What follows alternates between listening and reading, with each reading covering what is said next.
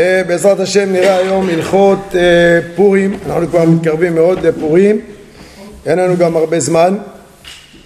ידוע שהחכמים תיקנו לקרוא מקרא מגילה פעמיים ביום הפורים, פעם אחת בליל פורים, פעם אחת ביום פורים, באלה שתי מצוות נפרדות שאין קשר ביניהם, זאת אומרת גם אדם ששומע בלילה חייב לחזור ולשנותה ביום וגם אדם שיודע שהוא ישמע ביום הוא חייב לשמוע גם בלילה. זה לא פותר אותו. למרות שהקיום של המצווה הזה באותו צורה אתה קורא את אותה מגילה אבל הם שתי מצוות נפרדות. כמו שיש לנו לגבי קריאת שמע.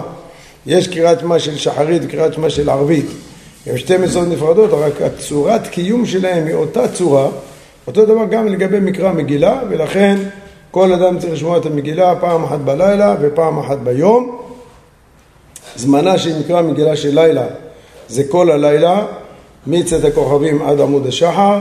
זמן מקרא מגילה של יום זה כל היום, מעינץ החמה לכתחילה עד שקיעת החמה. מה נפקא מינה? שאם אדם לא יתאפשר לו לבוא ולשמוע את המגילה בבית הכנסת בשעה שקראו בציבור, אבל אחר כך הוא יכול לקרוא את המגילה, עד עמוד השחר הוא חייב לקרוא את המגילה.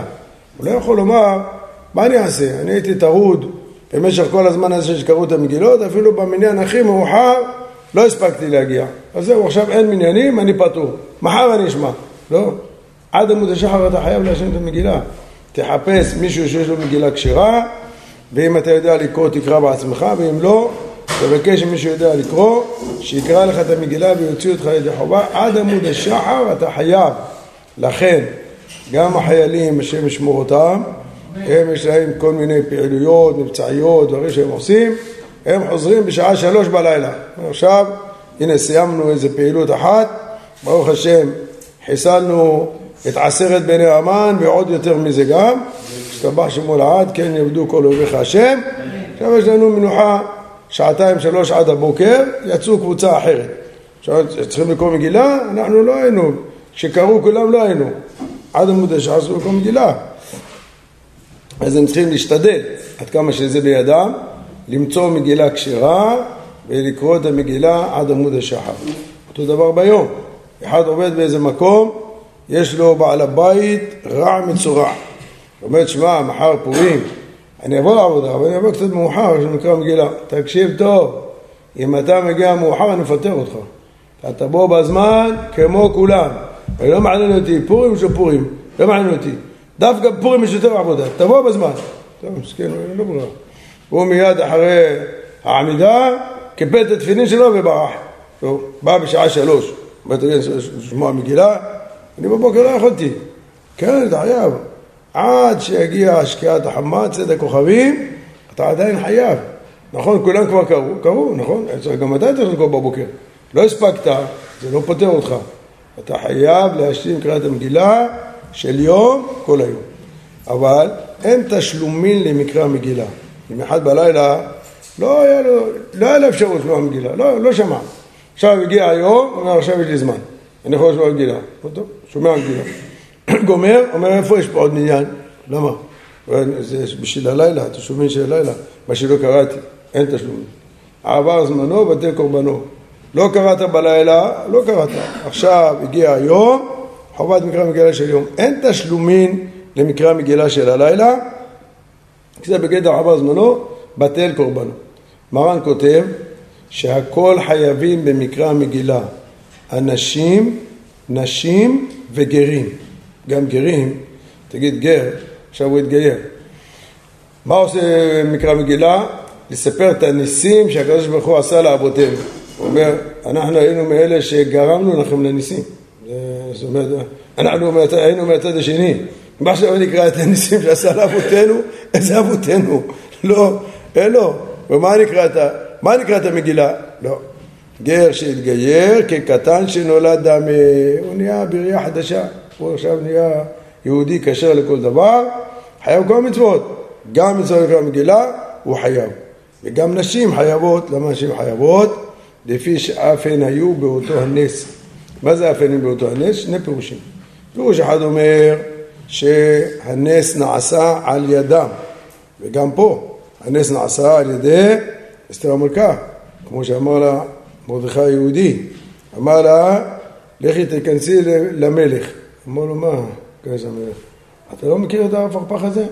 כל עבדי המלך יודעים אשר מי שייכנס עצר המלך ולא יקרא חטאתו להמית זה מוות בטוח, מה אתם יכולים להיכנס אליו? אומר גברת, את לא יודעת, אם לעת כזאת הגעת המלכות ואם את לא תלכי, את ובית אביך תאבדו. את חייבת ללכת, אין, זהו, הגזרה מסוכנת מאוד, את יכולה להיכנס. אמר לו, טוב, תצומו שלושה ימים ואני אכנס. וכאשר עבדתי, עבדתי, מה אני אעשה? זה בטוח שהוא יהרוג. את ושתי הוא כבר הרג, אבל שהוא בא להרוג עוד אחד, גמרנו. טוב. אז היא, מסכנה גם היא צמה. באה עמדה בחצר בית המלך, רואה יוצא לו אש מהעיניים מרוב כעס. מה נכנסת לפה בלי רשות? אומרת הגמרא, ותתחלחל המלכה מאוד, קיבלה חלחלה, כמעט התעלפה. בא המלאך גבריאל, ירד מהשמיים, זקף את קומתה, הוריד עליה חוט של חסד, מכיסא הכבוד עד אליה, ככה. פתאום מתהפך אחשוורוש הזה, הוא אומר, או, כפרה עלייך, איפה היית כל כך הרבה זמן? מה רצית? עד חצי המלכות ותעש, חסמק, לפני רגע העיניים שלך יצא להם דם. אתה אומר כפרה עלייך? בטח חוגג כזה חסד ירד עליה מהשמיים, זה בא טוב.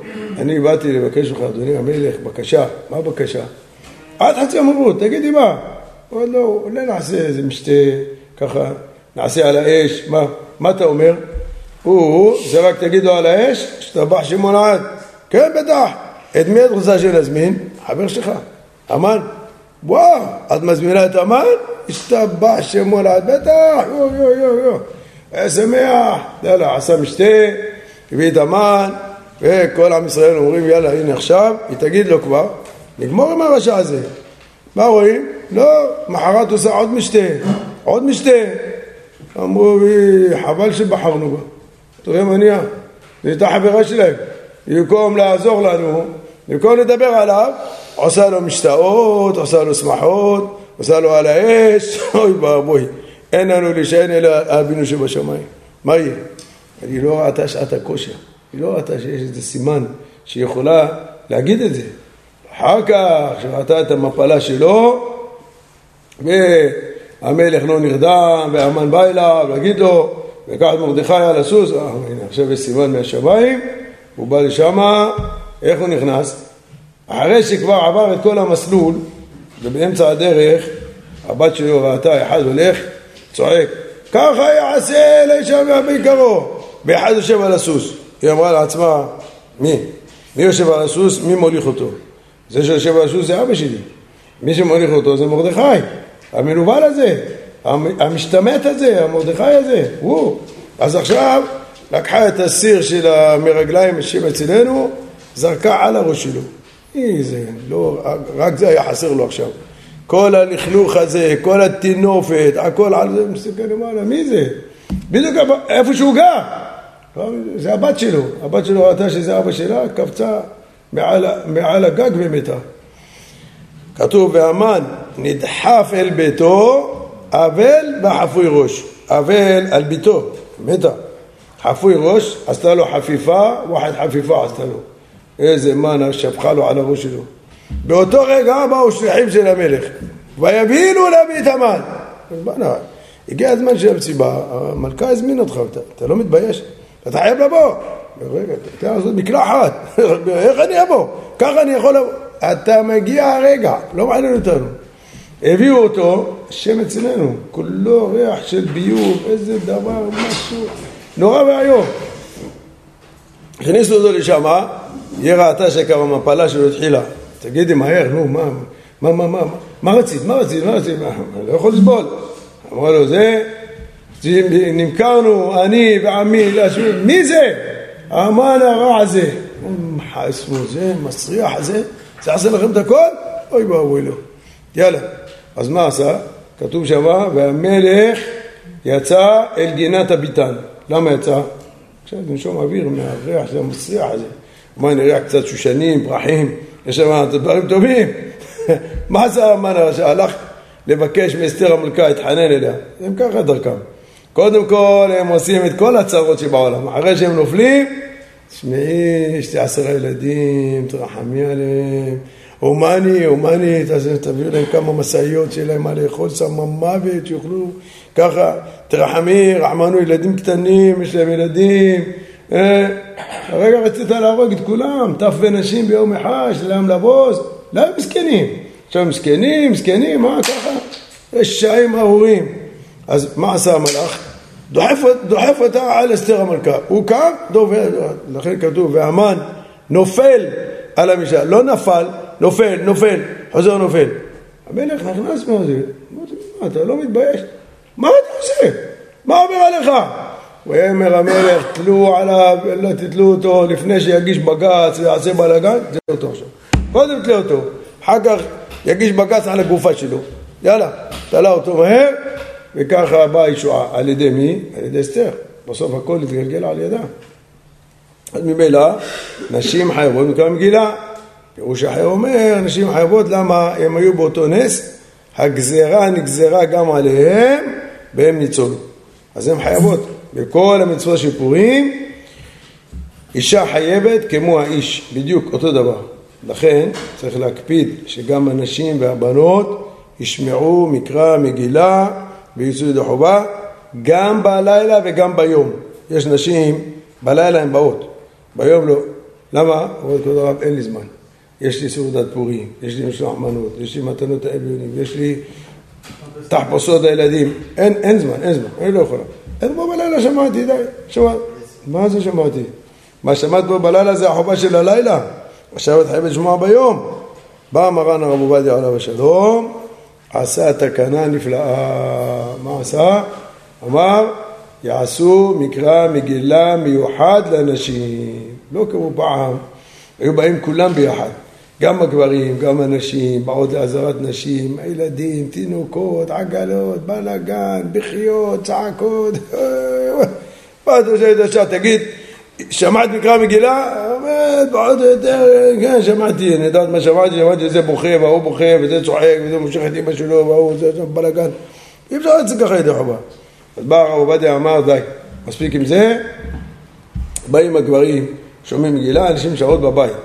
הגברים חוזרים הביתה, שומרים על הילדים הקטנים, הנשים באות לבית הכנסת, שומרות את המגילה מההתחלה ועד הסוף, בשקט, בלי ילדים קטנים, בלי רעש, בלי הפרעות, בלי כלום, יוצאים מדי חווה, חוזרים הביתה, זהו.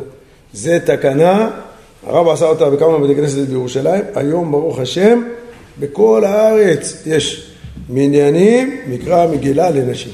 זה דבר נפלא, נפלא, ברוך השם. כולם זוכות, אז זה חובה. שומרות המגילה כמו צריך.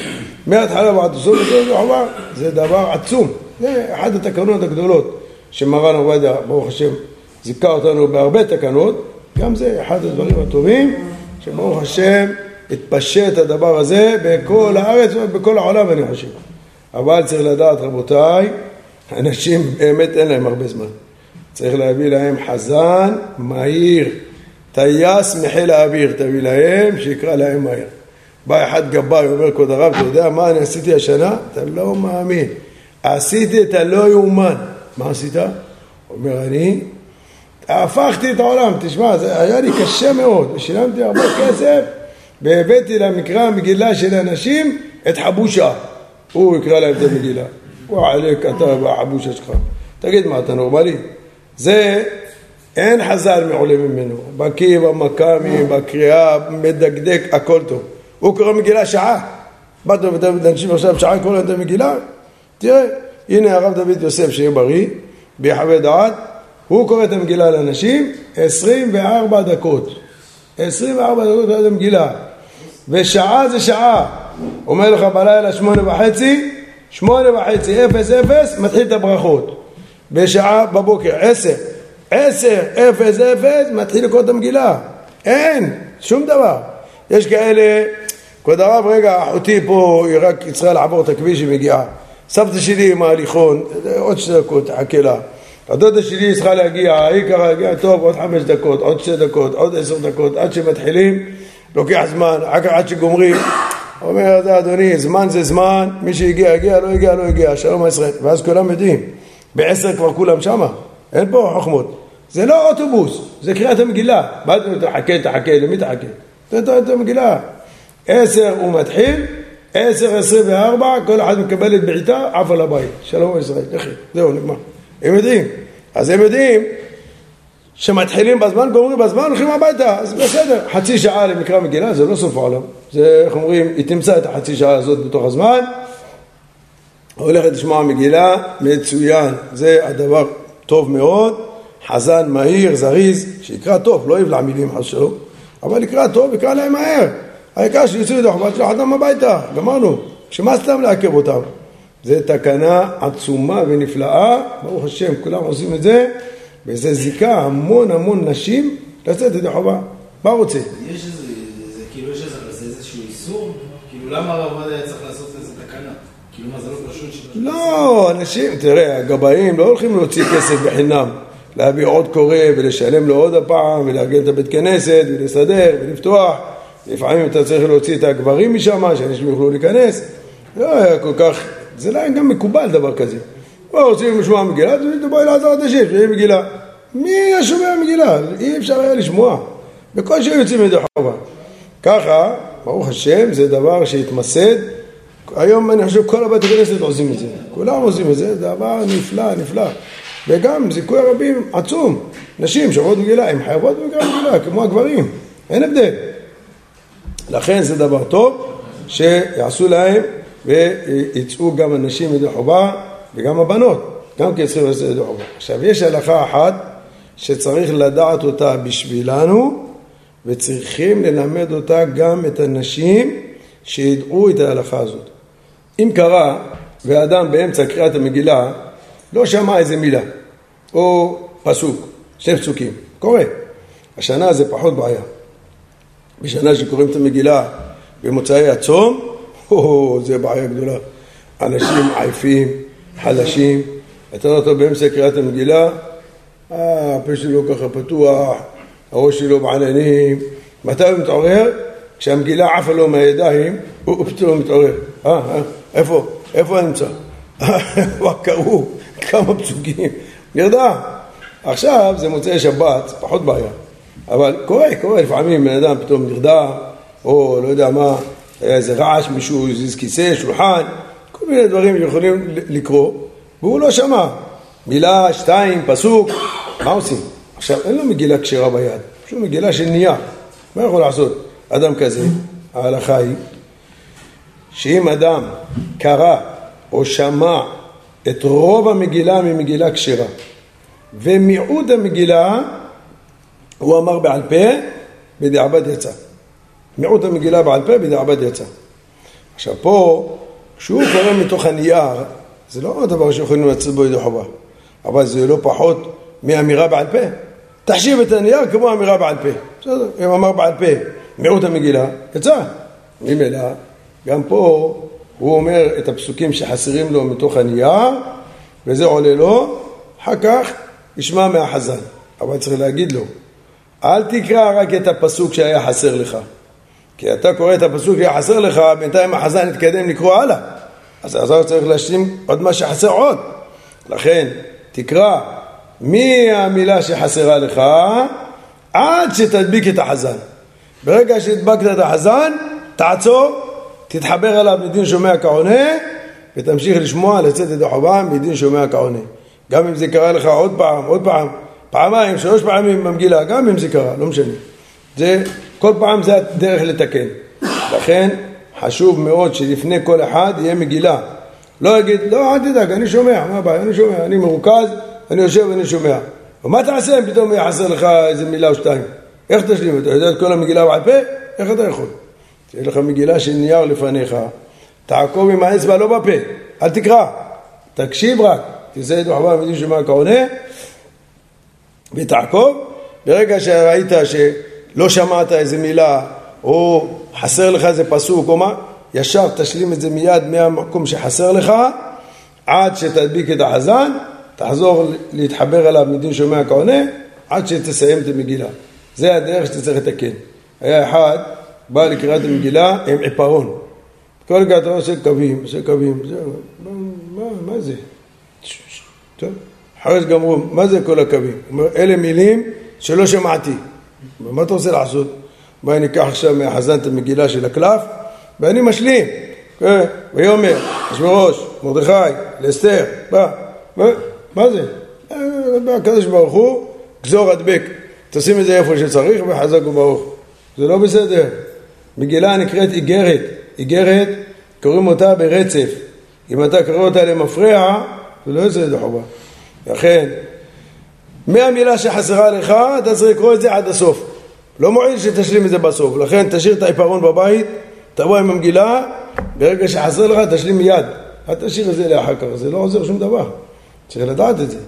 אז את ההלכה הזאת צריך, רבותיי, ללמד את הנשים והבנות, וכששולחים אותם לשמוע מגילה, לתת להם מגילה ביד. לא לשלוח אותם ככה בלי מגילה. תיתן להם מגילה, תגיד לה, תעקבי אחרי החזן עם העיניים. ברגע שלא שמעת איזה מילה, שתיים, פסוק, מהר, תשלימי כמו שאמרנו, ותמשיכי לעקוב מדין שומע כעונה. אם לא תגיד לה את מאיפה היא יודעת את ההלכה הזאת? היא לא יודעת. ותן לה מגילה ביד, לא צריך מגילה כשרה, גם מגילה של נייר, זה גם בסדר. זה אחת הבעיות עם החזנים. הם קוראים עשרת בני המן בנשימה אחת. זה לא קשה. אפשר לקרוא בנשימה אחת, לקרוא רגיל, לא צריך למהר, ואתה תישאר חי והכל יהיה בסדר, אל תדאג. אבל יש חזנים נכנסים ללחץ. אומר, וואו, כל עשרת בני המן בנשימה אחת. אה, לוקח אוויר ככה, והוא קורא מהר את פרשת ודרבון יסבת מה אתה נלחץ כל כך? מה? אומר, זה צריך בנשימה אחת. נשימה אחת, מה יש לך נשימה של ילד? אתה יכול לנשום נשימה אחת ברוגע. נכנסים ללחץ. אז מה הם עושים? אתה רואה אותו, הוא קורא בית פרשת בית אספת פרט ודבר וזה ודבר ביי זה בני המן. אתה אומר לו, תגיד, איך קראת? את ה"ואת" לא קראת מתוך המגילה. אומר, מאיפה אתה יודע? אומר, אני רואה על הראש שלך. אם היית קורא ועת, היית צריך להגיד, ועת פרשת דתא, ועת אלפון, ועת אספתא, ועת פורתא, ועת... אתה אומר, זה ככה הראש שלך הלך. לא הלך ימינה ושמאלה. אתה לא קראת ועת. אומר הרב, אתה צודק, אבל אני יודע שכתוב ועת, ואני יודע את זה בעל פה, מה הבעיה? כולם יצאו בדיעבד. כי קראת את המילים ועת בעל פה. אז לכן אומר רבי נשחי, תזהיר את החזנים. שהם יקראו בעת גם כן. הנכון שאתה יודע בעת, אז מה אם אתה יודע? אתה לקרוא את זה מתוך הכתב, לא להגיד את זה בעל פה. מי שאומר בעל פה זה בדיעבד רק יצא. לכן, לשים לב לקרוא גם את הבעת וגם את השמות וגם כל אחד שמשלים, אין ברירה. אם יש לך מגילה כשרה ואתה משלים מתוך המגילה הכשרה, זה לכתחילה. אבל לא כל אחד יש לו מגילה כשרה. מאידך גיסא, לא כל מי שקונה מגילה כשרה ומהודרת, רבותיי, אוטומטית הוא נהיה בעל קורא. זה לא עובד ככה. לא, זה לא עובד. כשמוכרים לך מגילה מהודרת, לא מחברים לך פלאג בראש ומעבירים לך אוטומטית את כל קריאת המגילה. לא. והרבה אנשים לא יודעים לקרוא מגילה. תגיד, מה יודעים לקרוא מגילה? מה הבעיה במגילה? נו, בחייך. מה יש לקרוא במגילה? מה שקורא במגילה? אם אתה קורא בצורה שמשנה את המשמעות, לא יצאת ידי חובה. לכן, תראה, יש אנשים על ההתחלה, ויהי בימי אחשוורוש, ואחשוורוש המולך מאוד ובעד כוש, שבע עשרים מהמדינה, המולך, המולך זה עבודה זרה, המולך זה מלך שמושל. אז מה אתה אומר? הוא אומר, כבוד הרב, אתה רציני? סבא שלי עליו שלום גם היה אומר ככה, המולך מאוד ובעד כוש. אז סבא שלך גם מינה אותו לעבודה זרה. מה הראיה? בגלל שסבא שלך קרא לעבודה זרה, גם אתה עושה את זה? זה לא נכון, זה טעות. ואחר כך, בערב היא באה, בבוקר היא שווה. בערב היא באה, בבוקר היא שווה. הפכת את ההווה לעבר, שינית את המשמעות, לא יצא ידי חובה. עכשיו, אנשים אפילו לא מבינים מה אתה רוצה מהם. הוא קורא טעות, אתה מתקן אותו, עוד פעם הוא חוזר, עוד פעם. לא, תגיד, אתה לא שומע מה אני אומר לך? הוא אומר, אני אמרתי באה, באה, מה, מה, מה אתה מחזיר אותי? אני אמרתי בו, מה אני אמרתי? הוא אומר, לא, יש הבדל. באה, זה עכשיו, זה באה, עכשיו היא באה. באה זה בעבר באה. זה הבדל בין הווה לעבר, אתה משנה את המשמעות. אומר, נו, כבוד הרב, בחייך, בסוף היא באה, מה נפקא מינה? היא באה ככה. היא באה, נו, מה? ואז הוא בא, בא, בא, מה אתה מדקדק, זה דקדוקים כאלו? מה, מה זה דקדוקים? זה לעיכובה, זה לא, זה משנה את המשמעות. ותשמע את הקלטת של הרב מזוז שיחיה מכיסא רחמים, כמה הערות כאלה הוא אומר, אתה אומר לעצמך, אוי ואבוי, כמה אנשים עושים את זה חובה. מלא דוגמאות הוא מביא של, של בעיות. עכשיו בדרך כלל שליח ציבור, הוא מכיר את המלאכה שלו, מכיר את האחריות שלו, מכין את עצמו, לומד, הוא קורא את זה טוב. שם אנשים, לא, לא תמיד יודעים לקרוא נכון. הוא אומר, לא, אני קורא לאשתי בבית, אתה יודע לקרוא? הוא אומר, רב, אתה מעליב אותי, מה אתה יודע לקרוא? בטח שאני יודע לקרוא, מה? יש בעיה לקרוא? אומר, לא, אתה קורא נכון? כן, בטח. מאיפה אתה יודע? אומר, אשתי יושבת עם מגילה עם ניקוד. איפה שאני טועה, היא מחזירה אותי. אה, כן? והיא החזירה אותך פעם על באה, באה, החזירה אותך? הוא אומר, לא. ואיך אתה קורא? באה, באה, איך אתה? אומר, שנה אחת ככה, שנה אחת ככה. זה דחובה, שיהיה בטוח. היא לא תחזיר אותו, למה? היא גם לא יודעת מה ההבדל בין מין לאלה מלרע. וזה מה, איך הוא קרא? אומרת, קרא מצוין. כבוד הרב, באמת, כל הכבוד לו. ממש קרא יפה, כן? איך אמר? ריצפת בעד בשש או רצפת בעד בשש? רצפת בעד בשש, ככה. אומר הרב מזוז, רצפת? לא יצאת ידי חובה. למה? אומר בלשון התנ"ך, רצפה זה גחלת. כתוב שם שהנביא דיבר סנגוריה עם ישראל, קטגוריה עם ישראל. מה עשה הקדוש ברוך הוא? היה מלאך עם גחלת, לקח את הגחלת ונגע לו על פיו. אמר לו, למה אתה מדבר על, על עם ישראל לשון הרע? אז כתוב, ובידו רצפה ויגע על פי. רצפה בלשון התנ"ך זה גחלת. עכשיו, אם אתה אומר שאצל אחשוורוש היה רצפת בהת ושש ודר בסוחרת, זאת אומרת שאת כל האורחים שלו עשה שישליק, שם אותם על הגחלים וצלה אותם. רצפת בהת ושש, לא רצפת. אומר, לא, כבוד הרב, עד כדי כך, מה, באמת, נו, ברצינות, מה, איך אפשר ככה? לא שבקת חיי לכל בריאה. טוב, אז אל תהיה בריאה, תעזוב, תן לחזנים שיקראו. למה אתה סתם מכניס את עצמך למקום שאתה לא יודע לצאת ממנו? לכן לא טוב. תשלח את האישה בית הכנסת, בכלל יש הרבה אחרונים אומרים, גם לאישה יש מצווה ברוב עם הדרת מלך, לשמוע ברוב עם של נשים, כיוון שכל העניין ברוב עם זה פרסום מניסה. היות והן חייבות במצווה, יש בהן גם פרסום מניסה. ברוב עם הדרת מלך, מה אתה קורא לה בבית סתם? תן לה שתהיה בית הכנסת, שמע, חזן קורא, מוציא אותה מידי חובה, קורא טוב, קורא נכון, כמו שצריך. אל תקרא סתם אתה בבית, ספק אתה יודע לקרוא, ספק לא יודע לקרוא. זה לא יודע לקרוא רק הניקוד. יש פה הרבה שינויים שאנחנו לא מכירים אותם בדרך כלל. לא יודעים לשים להם לב. אז צריך שיהיה אומן, שהוא מכיר את העבודה שלו, עושה אותה כמו שצריך, גם לגבי הגברים, גם לגבי הנשים, שיקרא מישהו שיודע לקרוא ויוציא אותם ידי חובה של מקרא מגילה. עכשיו, יש מנהג ידוע שמזכירים אמן אז מכים, עושים רעש. למה? מה חשיבו ויאבד זכרו. תמחה את זכר עמלק מתחת לשמיים. אבל זה רבותיי כבר נהיה מוגזם. בצורה שבהרבה מקומות אי אפשר כבר לתת את החובה. מרוב שעושים רעש ופיצוצים ובלאגנים. פעם מה היה בחייך? היה קפצונים כאלו עם הנייר הזה, אתה זוכר את זה עם הנייר של הקפצונים? היה לוקח, יורה יורה, חמש כדורים עקרים אחד היה עושה פיצוץ, ומה היה עושה? פק! שמעת? הוא אומר, מה זה? פיצוץ אטומי, השם ישמור, וואי, איזה מפחיד, וואי וואי וואי וואי, זה היה קפצונים.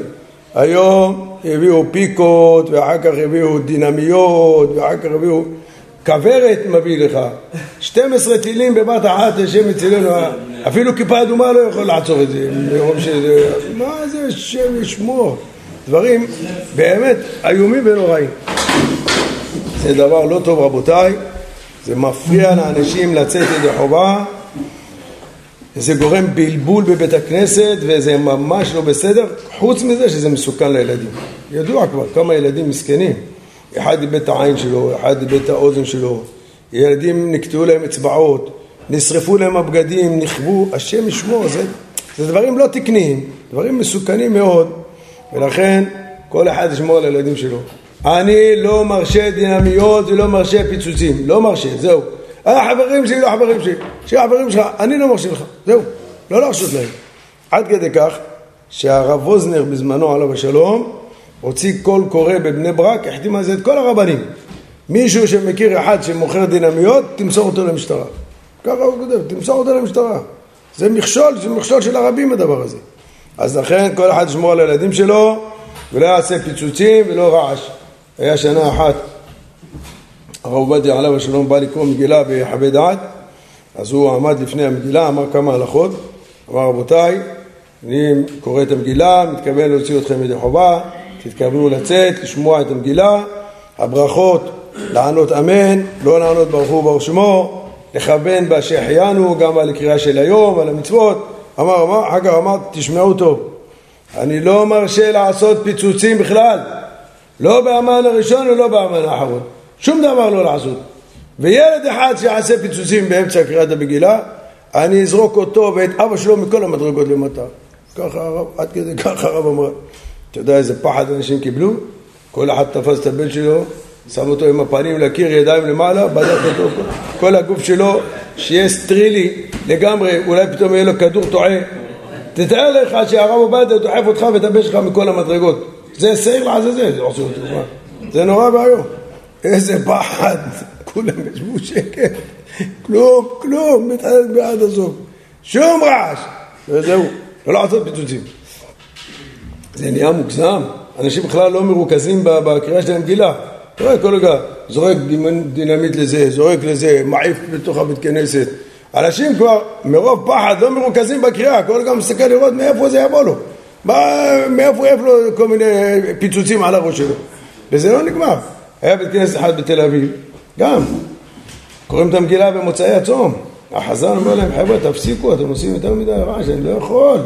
אבל גם עשן, עשן שנהיה מזה, הוא מסכן, היה לו אסתמה. הוא אומר, אני לא יכול, אני משתעל כל הזמן, תפסיקו עם זה. טוב, נו, תקרא, תקרא. שנה אחת אמר להם, תקשיבו, זה מוצאי צום, זה קשה לי, ואני לא יכול, אני משתעל. אם אתם תעשו פיצוצים, אני עוזב באמצע והולך. שבע מישהו אחר יקרא לכם, אני לא קורא פה. בסדר, תקרא, נו, תקרא.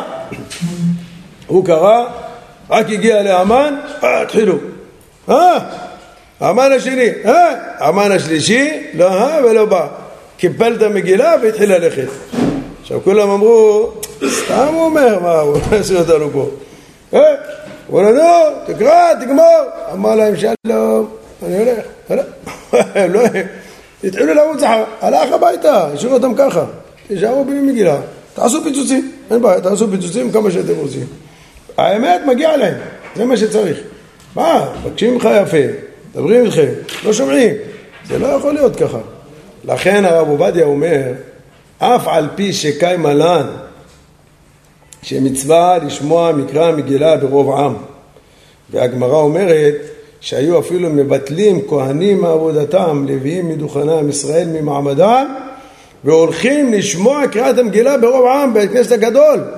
ומכאן סמכו של בית רבי, שהיו מבטלים תלמוד תורה בבית המדרש שלהם, הולכים לבית הכנסת הגדול. לשמוע קריאת המגילה. עד כדי כך, ברוב עם הדרת מלך. אומר הרב, זה בתנאי שאין שם רעש ולא מפריעים לשמוע המגילה. אבל אם יש לך בית הכנסת 400 איש, ברעשים ופיצוצים ובלאגנים ובקושי אתה שומע. אומר הרב, עזוב את הבית כנסת הזה, לך למקום, הרב כותב, שיש עשרה. עשרה. איפה ארבע מאות, איפה עשרה? לך למקום שיש עשרה בשקט, שם תקרא את המגילה. עזוב את זה לא, זה לא צורה שמקרא מגילה. לכן כל אחד רבותיי ישמור על הילדים שלו, ישמור בוודאי על עצמו, שיש כאלה כבר גדולים כמו גמל, הוא בא לך עם פיצוצים. למה? כי כשהוא היה קטן, במקום שאבא שלו יחנך אותו, מה הוא לימד אותו? תעשה, אני אקנה לך עוד, תעשה עוד פיצוצים. בא עם שני אקדחים, לא עם אחד. תגיד, מה, אתה כמה חמוש? כמה אתה יכול להיות חמוש? עם שני אקדחים הוא בא. זה מפוצץ לו ירה, עושה עם השני. מחליף לו את ה... את ה... איך קוראים לו? את הרולטה, שם לו תחמושת חדשה. אה, תגיד, אתה נורמלי?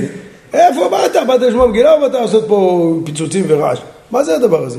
אז הוא גודל ככה, הוא מגדל גם את הבן שלו. זה כבר דור שני, דור שלישי של צלפים, של מפוצצים, של, אה, אני יודע, חיל הנדסה, לא יודע מה הם. מה זה הדבר הזה? זה נורא ואיום, ממש ממש, זה לא בסדר. לכן, הפוך, כל אחד ישמור על הילדים שלו, ואם הרב או הגבאי אומרים רבותיי בבקשה שיהיה שקט, לגבות אותם. יש כאלה בבית הכנסת, הגבאי אומר רבותיי בבקשה, רוצים לעשות את זה חובה, תפסיקו, אל תעשו רעש, תשמרו על הילדים, קמים אנשים, אתה תסתום את הפה שלך, כל השנה אתה מושל עלינו, השנה ונהפוך בפורים לא ניתן לך, אל תגיד לנו מה לעשות, שב בשקט, כן, כולם קמים עליו, מסכן, במקום לסייע אותו ולהצדיק אותו, כי הוא באמת צודק, כולם קמים עליו, באת גם עליו, באת לשמוע מגילה או באת לעשות רעש? בשביל מה באת לבית הכנסת? אז להפך, אם יש גבאי שכבר, איך אומרים, אומר את האמת, צריך להצדיק אותו, להגיד חבר'ה, הוא צודק, מה אתם צועקים עליו? הוא צודק, זה לא באנו לעשות פה רעש ופיצוצים. אתה יודע, אתה יוצא מבית הכנסת, מעיפים כל כך הרבה דברים מכל הכיוונים, זה פחד, פחד לעבור משם. אף אחד גם לא שולט על זה לאיפה זה עף. זה יכול לעוף על העיניים של האנשים, יכול לעוף... נשים מעוברות, זה מפחיד אותם, זה עושה פיצוצים. זה לא בסדר הדבר הזה, יש לזה כל כך הרבה דברים רעים, צריך להפסיק את זה. אז... מה? קודם כל, לא צריך להגיד את זה באמצע המגילה. הוא אומר את זה לפני קריאת המגילה. גם באמצע המגילה זה נקרא מהעניין. זה יותר מגבילו לתורן. זה, זה אי אפשר לשמוע ככה מגילה. יש אנשים, אני הייתי בבית הכנסת, אתה מבין? אין להם גבולות.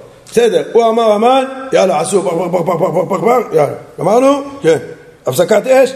הפסקת אש חתומה, אה, מצוין. טוב, הופה. עכשיו, חלק מהאנשים לא שמעו, אז הוא חוזר. ויאמר המן, פח פח פח פח פח. חלאס, הרגתם את האמן הזה כבר. עוד פעם אתה אומר, מה יעשו? טוב. כל פעם שהוא חוזר, עוד פעם הם עושים. מה נראה לך שיעשה החזן הזה? הוא ממשיך. הוא ממשיך. זהו, די, הוא אומר, לא יכול. עשיתם פיצוץ, גמרנו, תנו לי לקרוא, עכשיו אני, זהו, את זה כבר פיצצתם, תנו לי, לא מפסיקים, עוד ממשיכים, עוד ממשיכים. אנשים חושבים שזה פורים, זה אווירה כזאת, בסדר, פורים זה פורים, נכון, קודם כל צריך לדעת רבותיי, פורים של עם ישראל זה לא קרנבל, זה לא קרנבל של הגויים. מי שרואה בספרים מה שכתוב על פורים, זה ימים כל כך גדולים, שערי שמיים פתוחים בצורה שאי אפשר להבין, למה? כי חזרו וקיבלו את התורה בשמחה בפורים. במעמד הר סיני קיבלנו את התורה, איך? כפה עלינו הר כגיגית, כל אחד מסתכל לו, אומר, תגיד, מה זה זה? אומר, אם אתה לא תגיד נעשה ונשמע, זה יורד עליך. אומר, באמת? נעשה ונשמע, נעשה ונשמע. אוי, איזה חמודים. אתם מגיעים לתורה? בטח. זה, יש לך הר על הראש? מי לא יקבל את התורה? זה קבלת תורה. אומרת הגמרא במסכת שבת, אמר רבה, מכאן מודעה רבה לאורייתא, איזה קבלה בכפייה זה. אבל קיימו וקיבלו היהודים עליהם אל זרעם, אומרת הגמרא, קיימו את מה שקיבלו כבר. ראו איך הקדוש ברוך הוא אוהב את עם ישראל, איזה ניסים, איזה ישועות, איזה דברים. מחוץ לגדר הטבע, פתאום הכל התהפך, כל הגזרות שלו, זה כבר היה חתום בטבעת המלך, אין להשיב, נגמר, זהו, זה כבר אחרי הכל. פתאום הכל מתהפך, מה זה מתהפך? מתהפך לגמרי, לא תגיד התבטלה הגזרה, זה כבר נס, לא התבטלה, התהפך, אז רשתתו היהודים המה בשונאיהם, איזה נס? אמרו וואה, ככה הקדוש ברוך הוא אוהב אותנו, עכשיו מקבלים את התורה מחדש, בשמחה. זה יותר גדול, רבנו הארי אומר, יום הכיפורים כפורים, זה בכף הדמיון, כיפור זה בכף הדמיון ביחס לפורים. כל כך המעלה של פורים גדולה, כי קיבלו את התורה מחדש. זה לא יום של קרנבל וכל מיני שטויות שאנשים מדמים מזה חס שלום לגויים. זה, זה יום מרומם וגדול, נכון. יש לנו מצווה לשמוח, יש מצווה לבסומה, הכל, אבל לא לקלקל את הקריאה של המגילה. איזה מין דבר זה? ומה, בתי כנסת זה מקדש מעט, זה מקום השראת שכינה, עושים שם ליצנות, עושים כאלה דברים, זה לא מתאים בכלל. כמו שאמרנו רבותיי, כל אחד ישמור על הילדים שלו שלא יעשו רעש, שהכל יהיה, איך אומרים, כמו שצריך לפי ההלכה. ישמעו את המגילה מתחילה ועד סוף, יש לנו שלוש ברכות בהתחלה, ברכה אחרונה בסוף, כמו שכתוב בסידורים. ואותו דבר כמו שאמרנו לגבי הנשים והבנות, כל אחד ידאג לראות מתי הזמנים, יודיע להם שיתארגנו ויצאו לשמוע את המגילה ויחזרו לבתיהם לחיים טובים ושלום. כמו שאמרנו, זמן זה זמן, מתחילים בזמן, גומרים בזמן, לקרוא את זה מהר, לא להאריך יותר מדי לאנשים, לשלוח אותם הביתה לחיים טובים ושלום, זה מה שצריך כל אחד לדאוג בביתו. וכמו שאמרתי, תלמדו אותם מה עושים כשלא שומעים חלק מהמגילה, איך מתקנים את זה באותו רגע במקום, כדי שהם יצאו ידי חובה, שנקרא מגילה כמו שצריך, שלא יהיה עם זה אחר כך כל מיני שאלות וסוכות, עוד פעם להחזיר אותם לשמוע מגילה, עוד פעם זה בעיה גדולה. אז ילמד אותם מראש איך הם צריכות לשמוע, וידאג שכולם יבואו לשמוע. אם יש אישה שלא יכולה לצאת, אישה מבוגרת, זקנה, אז יכולים לבוא לקרוא לה, אבל כמו שאמרתי, לא כל מי שקנה מגילה מהודרת אוטומטית הוא יודע לקרוא. תלמד לקרוא, תבוא תקרא לה, תוציא אותה ידי חובה. יש שאלה, אדם אומר, תשמע, יש לי הקלטה של חזן מומחה שיודע לקרוא טוב. הוא קורא מצוין. ואני רוצה לשים אותו באוזנייה, באוזן שלי, אני שומע אותו ואני קורא מתוך המגילה. אני יכול? או שזה בעיה. יש מקומות בחוץ לארץ, מקומות נידחים.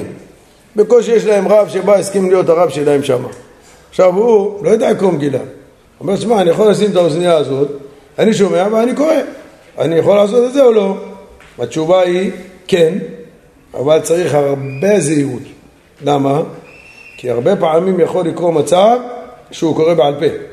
הוא יותר דרוך לשמוע מה האיש הזה אומר, ואז הוא אומר את זה. הוא צריך לקרוא את זה מתוך הכתב. נכון שזה עוזר לו לשמוע וזה מכוון אותו לטעמים, מכוון אותו למילאה, למילרה, הכל טוב ויפה, אבל אתה לקרוא מתוך הכתב. אתה לפעמים יכול לראות, מרוב שהוא, דעתו מכוונת על האוזנייה, אתה רואה אותו אומר, אומר, והיה צריך כבר לגלול אה, עמודה, והוא עוד עומד שם. מה אתה עושה? מה, תדבר, אתה לא קורא, מה, אתה אומר בעל פה, זה לא שווה, תבדוק, תשים לב שאתה קורא את מה שאתה שומע מתוך המגילה, לא תגיד זה הרבה תחזור אחריו כמותוקי, מה זה שווה? אמירה בעל פה לא שווה. לכן צריך שהוא יהיה, איך אומרים, הוא ישמע, אבל לא יהיה מרוכז רק בשמיעה, הוא צריך להיות יותר מרוכז בקריאה. תשים לב שאתה קורא נכון, אין בעיה שזה מסייע בידך לדעת לקרוא נכון ומתעבים והכל, בסדר, זה יכול. אם היה אפשר לעשות את זה גם בשבת בקריאת התורה, זה היה פותר הרבה בעיות. יש הרבה אנשים מסכנים, אין להם קורא בתורה, אין. זה קהילה קטנה, מודחת באיזה מקום, אתה לא יכול גם להביא בעל קורא. אז אחד עומד לידו, מלחש לו מלחש לו את הפרשה והוא חוזר אחריו. וגם זה, אתה רואה, לפעמים הוא אומר בעל פה. הוא לא קורא מתוך הספר. מי שעושה כאלה דברים, רבותיי, הוא צריך להיות דרוך, לשים לב כל הזמן שאת מה שהוא אומר הוא קורא מתוך הספר, או מתוך המגילה. אם באמת הוא מצליח לעשות את זה והוא קורא מתוך המגילה, זה שהאוזניה עוזרת לו להגיד את זה בצורה נכונה ולקרוא קריאה טובה, אין בזה שום בעיה, אפשר לעשות את זה גם לכתחילה. ברוך אדוני.